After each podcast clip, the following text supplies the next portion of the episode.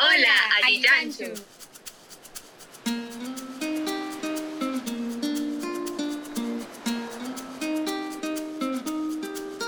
Yo soy Nadia.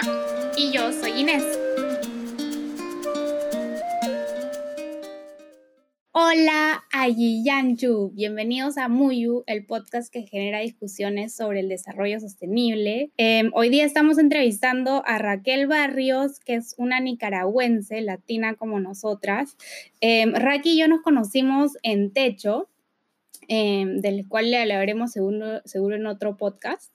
Em, y después volvimos a cruzar nuestros caminos eh, con nuestros trabajos actuales, con mi trabajo en Restless Development y ella trabaja en Yours, que es Youth for Road Safety. Y seguro ella podrá explicarles mucho mejor de lo que hace, pero trabajan en todo lo que es seguridad vial.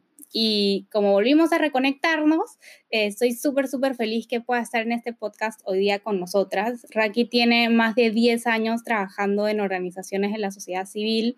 Eh, anteriormente estaba trabajando en Save the Children y siempre su trabajo eh, desde un inicio ha sido enfocado en jóvenes. Entonces vamos a estar hablando mucho de, jóvenes y como muchos de los que nos escuchan son jóvenes, em, pienso que va a ser súper relevante. Así que muchísimas gracias, Raki, por estar con nosotras. Y vamos a comenzar directamente para no dar tantas vueltas. Em, yo me sorprendí un montón escuchando que los accidentes de tránsito son la causa número uno de la muerte en jóvenes hoy día. Me, asustó un poquito porque dije, wow, ¿cómo es que no sabía esto antes? ¿Nos podrías contar un poco más de dónde sale esa cifra y cuáles son las consecuencias tal vez en diferentes partes del mundo eh, que tú has ido viendo con tu trabajo? Por supuesto. Bueno, primero que nada, mil gracias eh, Nadia y, e Inés por invitarme a este espacio. Un súper honor poder conversar con ustedes.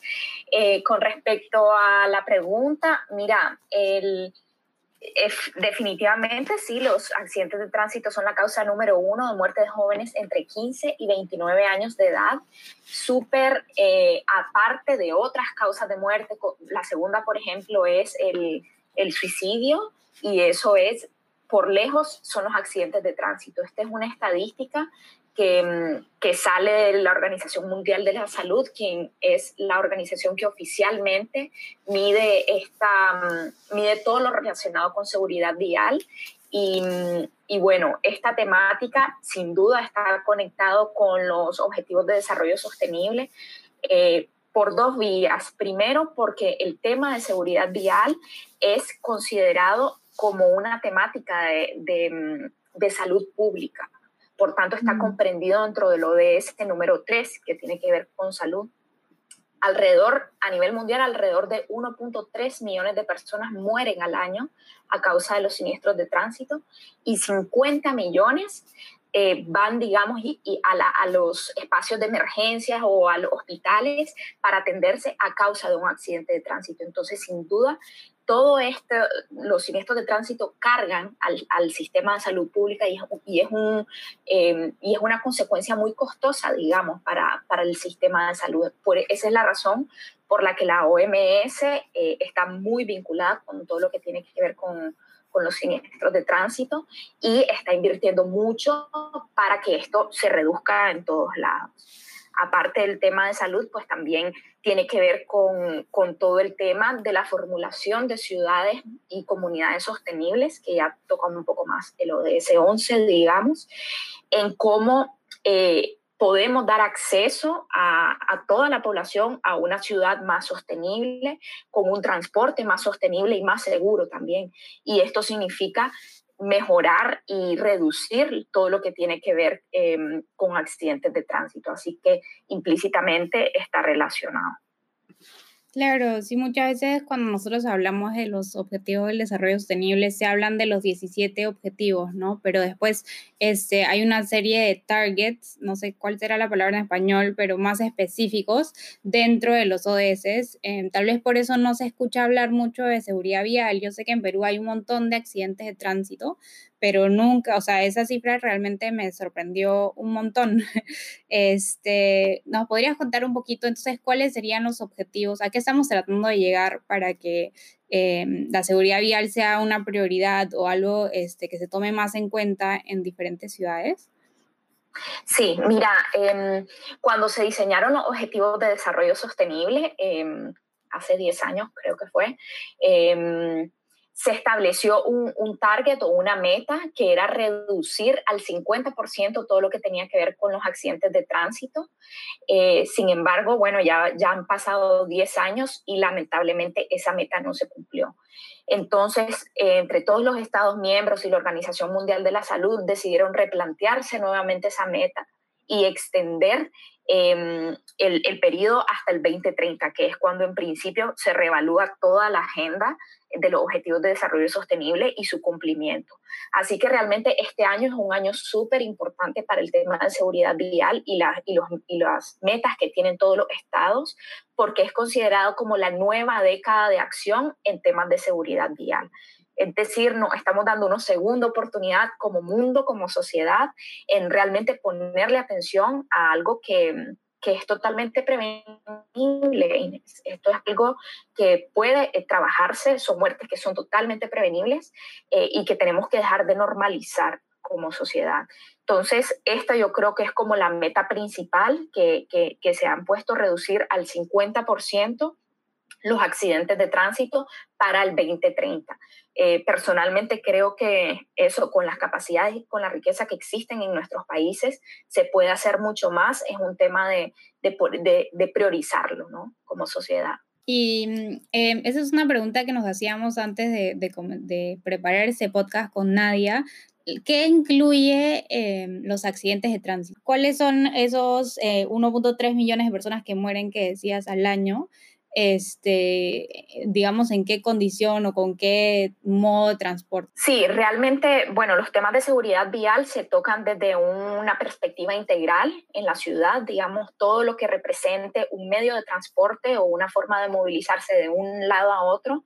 Eh, es considerado dentro del espectro de seguridad vial, es decir, tus piernas son un método de, de movilidad. Entonces los peatones sin duda están contabilizados dentro de, dentro de estas muertes. Y, y, es importante la pregunta que me haces porque justamente los peatones, los ciclistas son eh, considerados los usuarios más vulnerables de las carreteras y, claramente sin duda son los que, los que más mueren en las carreteras. Eh, entonces, eh, sí, aquí están considerados vehículos privados, eh, transporte de, vehículos de transporte de mercancías, autobuses o cualquier otro medio de transporte, metro, tren, eh, bicicletas, patinetes eléctricos donde son legales y donde, hay, donde existen las condiciones. Y como dije antes, el peatón, que es el usuario más vulnerable de las calles. Entonces, sí viene a ser todo lo terrestre, ¿no? Pero no aéreo. Exacto. Sí, exactamente, es considerado solamente lo terrestre. Mm, mm.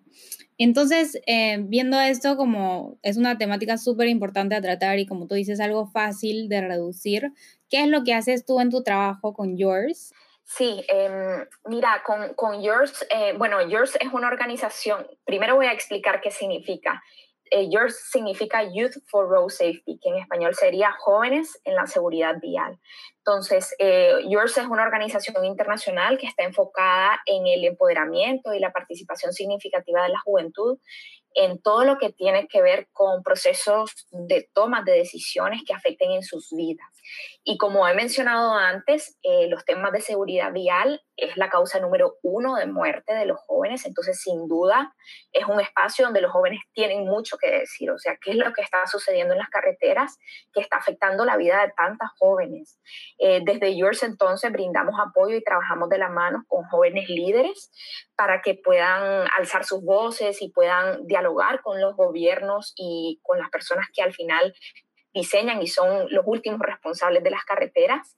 Eh, también trabajamos con esos gobiernos eh, para que puedan abrir esos espacios donde los jóvenes puedan tener voz y voto. Y trabajamos también con otras organizaciones de la sociedad civil para que juntos podamos apoyar a la juventud en fortalecer sus capacidades, sus capacidades y visibilizar eh, su liderazgo en esta temática. La idea es poder eh, apoyarles y, eh, ser, servir de alto parlante, digamos, para visibilizar su trabajo y, y apoyarlos en tomar acción. Y como dijimos desde un inicio, ¿no? Que has trabajado mucho con los jóvenes, a mí me interesa mucho saber este, por qué son los jóvenes eh, los que mueren más, o no sé si le estoy haciendo una relación que es falsa, porque es la causa número uno de muerte en jóvenes. ¿Es la causa número uno de muerte en humanos este, cualquier edad también o no? ¿Y por qué es que son los jóvenes los que mueren más? Eh, o sea, sí, suena muy mal como se dice, pero digamos que sí, porque es algo que afecta a los jóvenes más que a otros sectores de la población.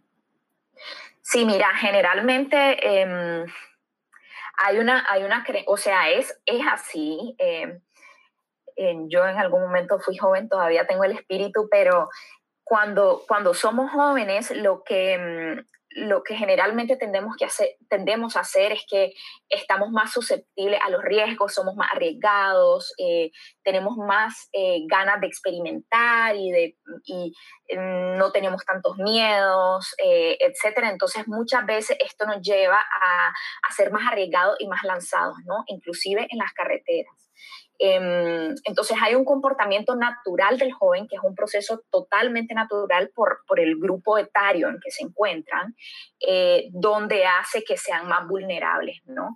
Además, digamos que hoy en día principalmente el joven es el usuario vulnerable, no es el que usa el transporte público, eh, es el que, el que eh, utiliza la bicicleta, es el que es el peatón de la calle, porque generalmente a esta edad no nos interesa comprar un, un coche o, y no tenemos los recursos tampoco. Entonces, yo diría que por ahí va em, el tema de que sea la causa número uno de muerte. Sin embargo, no es la causa número uno de muerte de la, de la población en general, es únicamente de los jóvenes. Sí, y bueno, tú estás diciendo que no eres este, tan joven, pero igual eres súper impresionante desde muy, muy joven.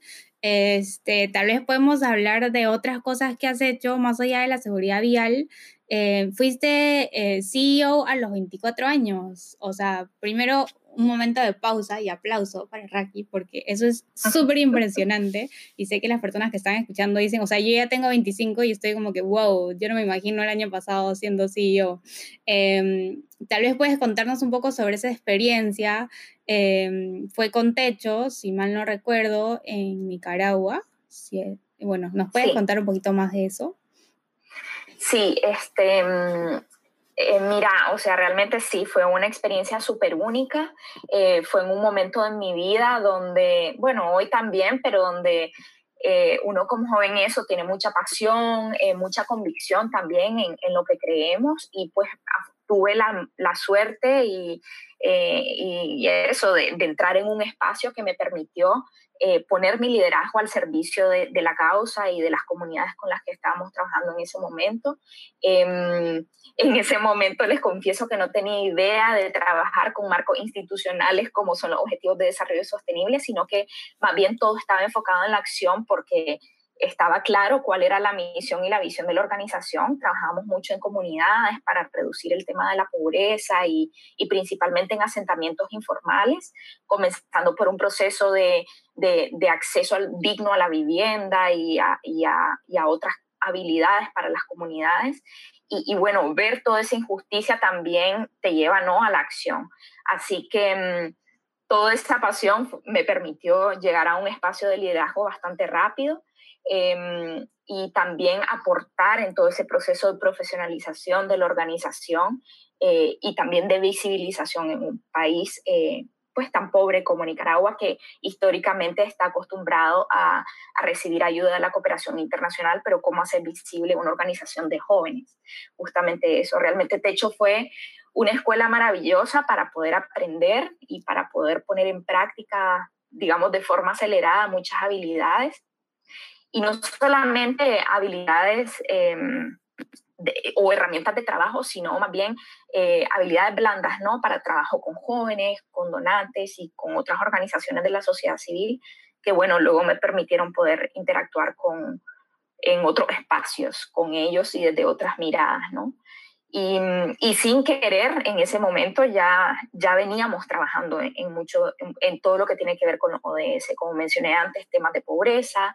También trabajé desde, desde ese entonces con, con el ODS 11, que tiene que ver con eh, ciudades sostenibles, más desde el enfoque del derecho a la ciudad, del acceso a la integralidad del, del, sistema que existe en las ciudades y cómo pues todos los seres humanos que vivimos en una ciudad tenemos el mismo derecho ¿no? de acceder al transporte público, a una vivienda digna, a espacios de recreación, etc. Así que fue toda una aventura con sus aciertos y sus fallos, pero, pero bueno, gran experiencia para, para esa edad. Y qué gran escuela, me recuerda lo que hicimos este, Ine y yo, bueno, lo que fue para nosotros, para Ine y yo, este, Luke, como básicamente donde aprendes todo, ¿no? No llegamos a ser CEOs, pero sí aprendí, o sea, se aprende un montón de esos retos, ¿no? Em, yo quería preguntarte cómo ves la colaboración eh, luego de haber visto varios SDGs, Objetivos de Desarrollo Sostenible, cómo ves el futuro en general. Sí, esa es una pregunta interesante, fíjate, porque justo lo que decís, el hecho de haber trabajado en varias ONGs y tocar temas relacionados con diferentes objetivos de desarrollo sostenible como pobreza, eh, educación, en Save the Children vi mucho el tema de educación, de niñez, de protección a la niñez, eh, de ciudades y comunidades sostenibles con techo, y ahora también con, con Yours y, y, temas de salud pública. O sea, realmente he podido aprender un poquito de todo, sin, sin ser experta, por supuesto, pero veo como claramente todo está interrelacionado. Lo que yo creo, y contestando a tu pregunta del futuro, es que siento que, como, como sociedad civil y como tercer sector necesitamos abrir canales de comunicación y fomentar la colaboración en diferentes espacios. Muchas veces, digamos, me encontré en, en espacios con otros colegas donde estamos promoviendo y haciendo exactamente lo mismo, pero cada quien tirando para su lado, ¿no? Como se, eh, separado. Y aunque suene trillado, aquí este es un tema de que la unión hace la fuerza. Tenemos unos objetivos bastante ambiciosos, tenemos 10 años para cumplirlo y si no nos, nos hacemos conscientes de que tenemos que ser mucho más eficientes en el gasto de los recursos y promover soluciones más innovadoras y sostenibles, eh, va a, ser, va, va, a seguir siendo difícil y vamos a seguir posponiendo todo eso. Así que ese es el futuro, que a pesar de que haya un enfoque claro en diferentes temáticas, tenemos que empezar a apuntar a buscar soluciones transversales y que respondan a los problemas de una forma más integral y más sostenida en el tiempo. Estabas hablando eh, hace un rato sobre, de un lado, el hecho de que siendo joven tenías toda esa motivación, estabas tomando mucha acción, y de otro lado, que ahora donde estás trabajando buscan generar espacios de incidencia de los jóvenes, tal vez en, en lugares de decisión, de toma de decisión. Eh, ¿Tú ves un cambio en estos 10 años o más que has estado trabajando en el poder de decisión que tienen los jóvenes o siguen siendo como los actores, pero muy lejos de esos espacios de incidencia política? Yo creo que cada vez más hay conciencia y hay una, mm, una visión eh, intergeneracional de la importancia de los diálogos intergeneracionales. Creo que poco a poco se van abriendo esos espacios. Eh, lo que pasa es que todavía no hay un, siento que no hay un entendimiento profundo de qué significa la participación significativa, o sea, la participación de un joven o de un niño o de cualquier otro grupo minoritario no significa subirse a un escenario, ponerse una camiseta y tomarse una foto, ¿no? Sino que va mucho más allá de eso, significa realmente que estas personas que eh, formen parte de todos los procesos de decisiones y se abran espacios activos y, válidos donde realmente su voz sea escuchada y, su, y sus decisiones incidan en lo que finalmente va a ser la política.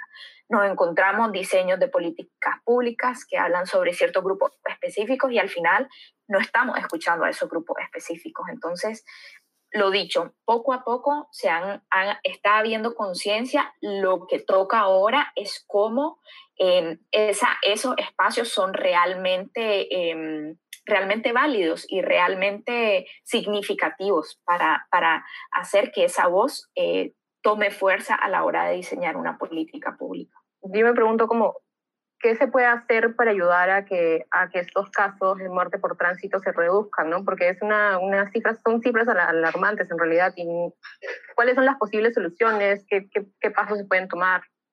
Sí.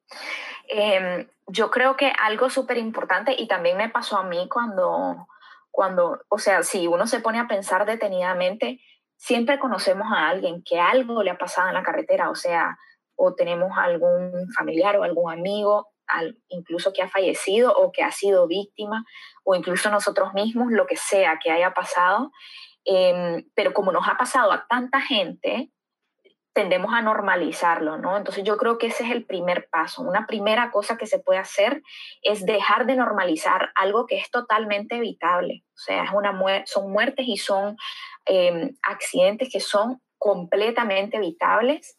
Eh, si nosotros como sociedad entramos en conciencia de todo lo que representa para un país, para, para las cargas sociales, para la seguridad social, para la salud pública y para la vida de las personas, ¿no? O sea, creo que eso es eh, un, punto bien importante, eh, dejar de normalizar.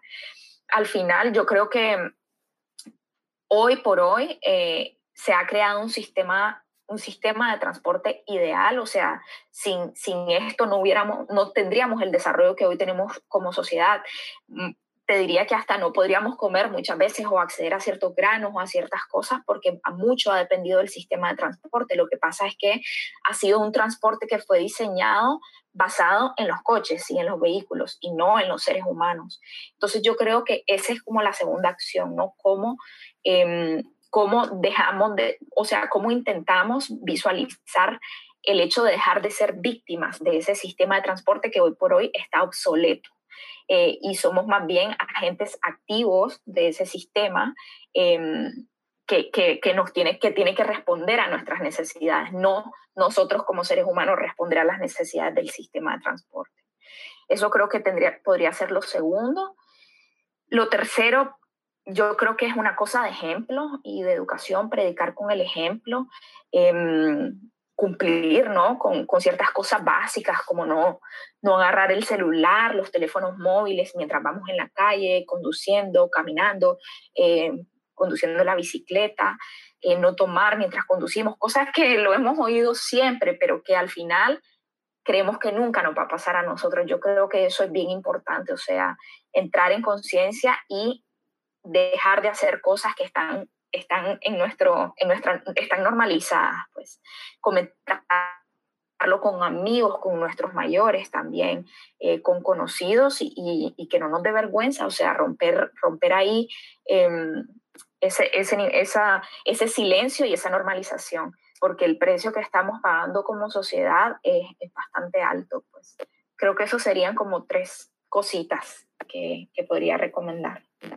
Y qué loco lo que dices, eh, ahorita mi mente se ha ido como que, wow, el sistema de transporte, si bien no es un objetivo de desarrollo en sí, tiene que ver con un montón, porque ahorita acabas de hablar de la alimentación, o sea, un montón de nuestra comida ahora viene de no sé qué lado del mundo y tiene que llegar por carretera hasta nosotros, accidentes o lo que fuera. Dependemos mucho del sistema de transporte. Y bueno, yo sé, no sé cómo será en Nicaragua, pero en Perú es como un caos el sistema de transporte. Este, y eso lo sabemos y a veces se vuelve como, yo a veces eh, bromeo y ahora me doy cuenta que no, no es una broma, ¿no? En Perú, este, no sé si nos escuchan personas de otros lados, pero hay hasta carreritas en los buses, este, porque quieren llegar a tener más clientes y obviamente eso genera más accidentes porque están ahí, hay hasta un trabajo de ser el que como que dice, ah, el otro está dos minutos más adelante para que vaya más rápido, no, aguántate un rato que viene uno atrás y así, este, y parece como un juego, ¿no? Un videojuego casi, este, no sé como qué consejos más allá de, bueno, ok, nosotros como, como ciudadanos podemos ser más conscientes, pero si hay alguna manera probada de que tal sistema de transporte funciona mejor o tal manera de, de trabajar genera menos muertes, o si todavía es algo que no sabemos.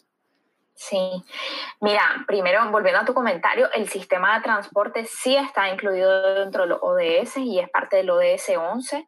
Creo que bastante de los targets de ese ODS hace énfasis en el sistema de transporte y, y principalmente ligado con justo lo que acabas de decir, en cómo expandimos el transporte público y dejamos de que sea limitado para cierto grupo de personas o, o para mm, o, en, cierto, en ciertas zonas o en ciertos lugares, en ciertos países. Yo creo que eso es algo en que, en que como países, digamos, y como sociedades tenemos que trabajar y tenemos que empujar bastante porque eso va a permitir que, que se reduzcan bastante los accidentes de tránsito y que también se tomen en cuenta las necesidades de las poblaciones más vulnerables, las mujeres, los niños, las personas con discapacidades, los mayores, que muchas veces em, tienen dificultades en acceder a este tipo de espacios eh, de transporte público que sin duda mejorarían su calidad de vida. Y con lo que mencionas relacionado con, con el rol, ¿no? O sea, qué podemos hacer y eso. Eh, yo creo que, mm, ah, bueno, no, más bien me acordé de algo que, que, mencionaste, como de la receta mágica. Esto, esto es bien complicado, no hay una receta mágica, pero es bien interesante, un, o sea, está siendo tomado como ejemplo un sistema que se desarrolló en Suecia, que se, se conoce como el sistema seguro donde lo que en la, teoría lo que dice, y realmente es así, es que el ser humano, por ser seres humanos, siempre va a cometer errores. Entonces, siempre va a existir, digamos, la posibilidad de, un, de un accidente en las carreteras, porque eso, porque somos seres humanos, ¿no? Entonces, lo que, lo que nos tenemos que enfocar como sociedad y como ciudades y, como, y los tomadores de decisiones también es en diseñar un sistema de transporte que sea seguro y que ponga en el centro de ese sistema de, de transporte al usuario de las calles y sobre todo a los usuarios más vulnerables, que son los que mencioné antes, los niños, los adultos mayores, las mujeres, etcétera, los ciclistas, los peatones. Em, así que yo creo que ese es un súper ejemplo y algo también súper bonito para consultar.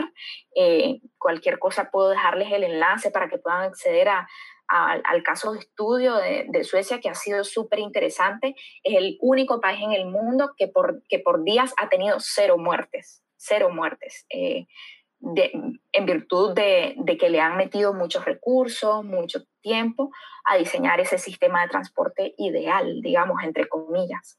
Así que mm, eso, y yo creo que una vez que, nos concientizamos sobre que existen otras alternativas, eh, no nos queda más que participar y que alzar nuestras voces. Eh, yo creo que sin duda hay cosas bastante ilógicas en, en, las leyes de tránsito hoy en día y que muchas veces no representan los intereses eh, de los jóvenes, que digamos que son los que somos el, son el grupo de los que estamos hablando acá, donde podamos eh, sentirnos más representados a través de estas políticas públicas. Y, y, suena bastante ideal, ¿no? Porque a veces es bien difícil eh, saber cómo llegar, cómo tocar esa puerta, pero, pero poco a poco hay, eh, van existiendo esos espacios y simplemente hay que estar más conectado con, con, con, esos grupos y esos, y esos espacios pues, que te están abriendo la puerta para que participes y para ser parte de un, de un cambio. ¿no? Ahora disfruta de este pequeño resumen en quechua, gracias a nuestra amiga Roxana. Puncha y Guaynamasikuna, Nukak Sutimi, Roxana, Puno Llactamanta, Rima y Kushani. Kunan kay seguridad vial niskamanta. Raquel ñañachanchis kayta yacharimasunchis.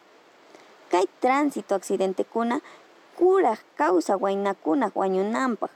Kaywan waynakuna chunka pishka watayuq hasta ishkay chunka pusaq watayuq tarinku wañuyta. Chaymanta hamun suicidio niska. Kaymi pasan kikin wayna sipikapun hina. Organización Mundial de la Salud Nisca, Yuyarimun Seguridad Vial Niscata, Chunca Jukniyuk Objetivo de Desarrollo Sostenible Ukupi. Kai Seguridad Vial Nisca, Ukurimun Chunca Jukniyuk Objetivo de Desarrollo Sostenible Niscapi.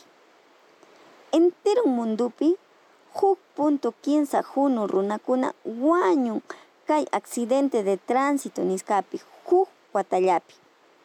Kay kanmi carro sarurkapun runata hina o carro tigraykapun hina o ishkay carro takarkaripunku hina. Kay kaktinmi kinsa chunka hunu runakuna sapa punchay watapi punin hampina wasita. Kay kaktinmi hampina wasikuna junt'aykapun a. Y estadunchis astawan kullkita gastarkapun accidentelapi. Sapallaqta kawarinan y llankarinan allin llaqta kawsananpaq y mana onkuq accident tikunapi kananpaq mm, carrupi purinku hina allinta sapa llaqtapi aparinanku sistema de transporte niskata mana kay accidentekuna kananpaq Perú suyunchispi mm, kayta rikuyku sapa punchay pero kay pisiyanan hamuq watakunapi. Objetivo de Desarrollo Sostenible ukurimurkan hina mashkarkanku por ciento pisiyachinanpaq kay accidente de tránsito niskata pero kay mana tarpakapunchu chunka watapi kunan ishkay waranka chunka pishkayuq watapi waqmanta chanincharinku kay ruwanata objetivo niska ishkay warankapi kinsa chunka watapi tarpakunanpaq kay objetivota kunan tapurikamusun iman kushkachamun kay accidente de tránsito niska bicicletakuna carrokuna chakik purikkunapis tarikunku kay accidente de tránsito ukupi. Y chaykunata riqsirkusun medio de transporte sutiwan chaykuna purik kaktinka apawanku ratuchalla huk ladoman sapa punchay chay medios de transporte yanapakun apurina kaktin. Chaypi kawsayninchista riesgopi churayku kunan tapurikamusun imanaktin waynakuna aswanta wañunku kay tránsito accidentekunapi paykuna manaraq ashka kullkita hap'inkuchu chikaraq estudianta qallarishanku o waqkuna chikaraq llank'ayta mashkashanku yachanchis waynakuna pisillata kullkita hap'inku chay tarpanallampaq paykunapis gastanku qullqichankuta chay kaqtin paykuna hap'inku y wichanku transporte público niskata. Purinku bicicletankupi o chakipi purinku. Chay puriskankupi paykuna riesgopi churanku um, kawsayninta carrupi sarunman o bicicletampi urmanman o carro tikrakapunman kay kaqtin ashka wayna sipaskuna sapa wata wañuyta tarinku kay mana wiñananpaq y sayananpaq ñukanchik waynakuna rimanayku. Winanaykusun llaqtanchis decisionkunapi. Mana aqnallata kawasunmanchu kunan waqmanta tapukusunchis. Imata ruwanayku accidentes de tránsito pisiyananpaq. Llapallanchis riqsiyku huk accidente de tránsito willakuyta. O ñukayku kikin kayta pasamuyku pero ñukayku allin yachaykuña kayta. Normaltaña kawayku. Kay mana allinchu kayta ñukayku atiyku hark'ayta chaymanta ñukayku allinta yachanayku imayna carruta apayta. Mana celularniykita hap'inaykichu carruta apanki hina o mana uhanaykichu carruta apanki hina kay ruwa ruwanakunawan ñukayku yanapasun sayayta kay accidentekunata chaymantapis nirimusun kay sistema de transporte allinta yanapawanchis mikuna chayananpaq waq llaqtakunawan llaqtakunaman allin mikunanchispaq chayta allachananchis Perú suyunchispi umananay sistema de transporte nisqa mana ni kawsaytapis respetakapunchu k'ikllukunapis carrulla hunt'arqapun ni allintapis purinapaq kanchu. Mana chay kananpaq ñuqaykumanta qallarina allin ruwayta. Leyeskunatapis respetachinanchis. Paywan yanapasun llaqtanchista y suyunchista sostenible kananpaq. Chayllata nirimusaq sulpay llapanñinchispaq huk semana kama. Gracias por acompañarnos en este espacio. Seguimos en la ruta de aprender quechua juntos.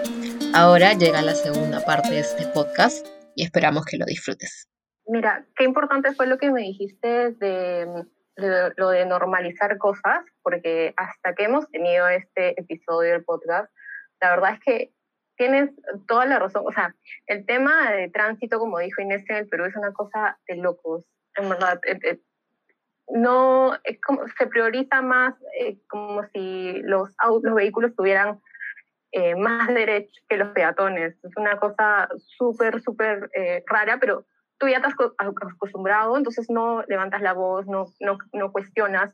Creo que me acuerdo, em, hicieron una, en la, en la, Javier Prado, que es una de las vías más grandes que tenemos acá en Lima, em, hicieron, la gente se empezó a quejar porque tenían más espacio los carros, pero la, la, el semáforo no tenía espacio para que la gente pase. Entonces era como que cinco segundos para que la gente pase y los carros pasaban durante una hora. Entonces son los pocos espacios en los que la gente dice, oye, acá hay algo mal. Pero ves que tiene que ser algo muy exagerado, algo muy como que te llame la atención para que realmente hables sobre el tema de del transporte. O sea, ya nos estamos acostumbrados a ir en, ver carros, como dicen, es que hagan, que hagan carreras. Lo que nos sorprende es, por ejemplo, a veces eh, hay temas de los ciclistas que son atropellados por, eh, por vehículos eh, públicos, por transporte público, y ahí sí la gente como que empieza a levantar la voz, pero es, creo que es súper importante empezar a hablar de esta situación y empezar a, a concientizarte y y a, ver cómo como sociedad nos ponemos a unir para, para crear un transporte público más decente, ¿no? Porque no, mucha gente dice, ay, pero esto de acá no es Europa o esto de acá no es Suiza, esa no es la idea, la idea es justamente proveer eh, un transporte que sea ideal y seguro para todos nosotros, ¿no? Pero ya es como que nos hemos acostumbrado a que esta es la realidad y esto es lo que va a ser para siempre y definitivamente no, ¿no? Eh, ¿Dónde podemos seguir tu trabajo? Es una de las preguntas que, porque nos has dicho, nos has dicho que hay algunos links donde nos podemos informar, eh, dónde podemos saber más o menos de, de, de esta iniciativa para, para, informarnos más sobre un transporte eh, seguro. Sí, eh, te comento, fíjate que yo actualmente eh, desde Yours lo que hago es eh, trabajar como manager de la Coalición Global de Jóvenes por la Seguridad Vial. Este es un proyecto que nació hace un poco más de un año y, y, lo que hacemos es entrar en contacto con líderes juveniles de todo el mundo que están trabajando y que tienen ganas de participar en estos temas de seguridad vial, de ciudades sostenibles, de transporte seguro, de urbanismo y de cualquier otra temática, incluso hasta género, cambio climático, que esté relacionado con seguridad vial. Eh, a través de este espacio nosotros eh, brindamos recursos para que los jóvenes puedan implementar proyectos en sus, en sus zonas de donde viven. Eh, brindamos eh, acceso a, a, información. Tenemos una librería con todos estos recursos que antes te mencioné, donde se puede acceder y leer. Brindamos también capacitaciones para, para aprender más y estar más empoderado eh, con más información para poder acercarnos a nuestros tomadores de decisiones y participar activamente en otros espacios. Y también eh, proveemos acceso a muchos eh, aliados que pueden fortalecer eh, y amplificar nuestras voces a nivel local, regional e incluso global. Entonces yo creo que este es un espacio interesante para que todos los jóvenes participen, no importa si antes no has tenido relación con seguridad vial, sino que eh, justamente es eso, o sea, buscamos una diversidad eh, para que juntos y a través de distintas formas de pensamiento pues, podamos eh, resolver esta temática que, que, es totalmente prevenible, como, como antes dije. Eh, la página web es, eh, actualmente trabajamos mayoritariamente en inglés, vamos poco a poco eh, teniendo espacios que son en español, otros en francés, otros en árabe, dependiendo de nuestra gente. Van a haber espacios en, en español, pero por el momento toda la documentación es en inglés. La página web es claimingourspace.org. Yo luego te la, te la dejo, pero básicamente significa reclamando nuestro espacio. Eh, y es justamente eso, ¿no? Como, como jóvenes eh, reclamamos nuestro espacio en la ciudad, en el transporte público y en la mesa de la toma de decisiones, que creo que es el espacio donde más va a trascender eh, nuestra voz. Así que mm, te, te, compartiré luego la página para que la puedas poner donde, en tus redes, si es posible. Buenísimo. Y qué bien cerrar con eso, eh, eso de, que retomemos nuestra voz. De hecho, ha sido lindo, nadie hacía el inicio, inicio qué lindo tu, tu, dejo, pero más allá de tu dejo, qué lindo lo que dices y, qué inspiración nos das de, reclamar ese espacio, ¿no? De seguir haciendo que nuestras ciudades sean más sostenibles, eh, sea este, para ayudar a sacar a personas de la pobreza o este, para ayudar a que el transporte sea más sostenible eh, o para ayudar en educación, con tu trabajo en Save the Children. Creo que podríamos hacer 20.000 podcasts contigo este, en todos los temas donde eres experta, porque más allá de haber dicho que no eres experta, yo creo que nos has enseñado un montón hoy día.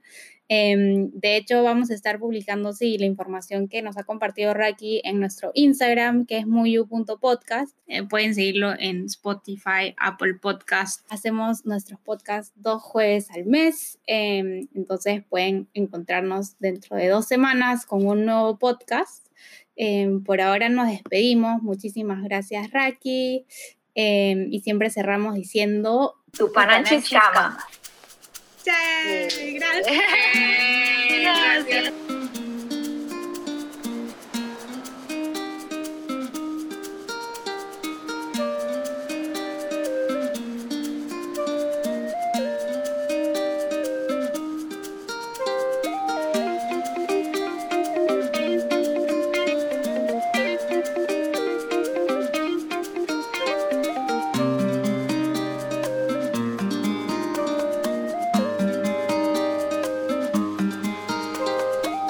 Pananchis Cama. Espera, ¿le has enseñado eso a Raquel? No, no, no. ¿Cómo es este,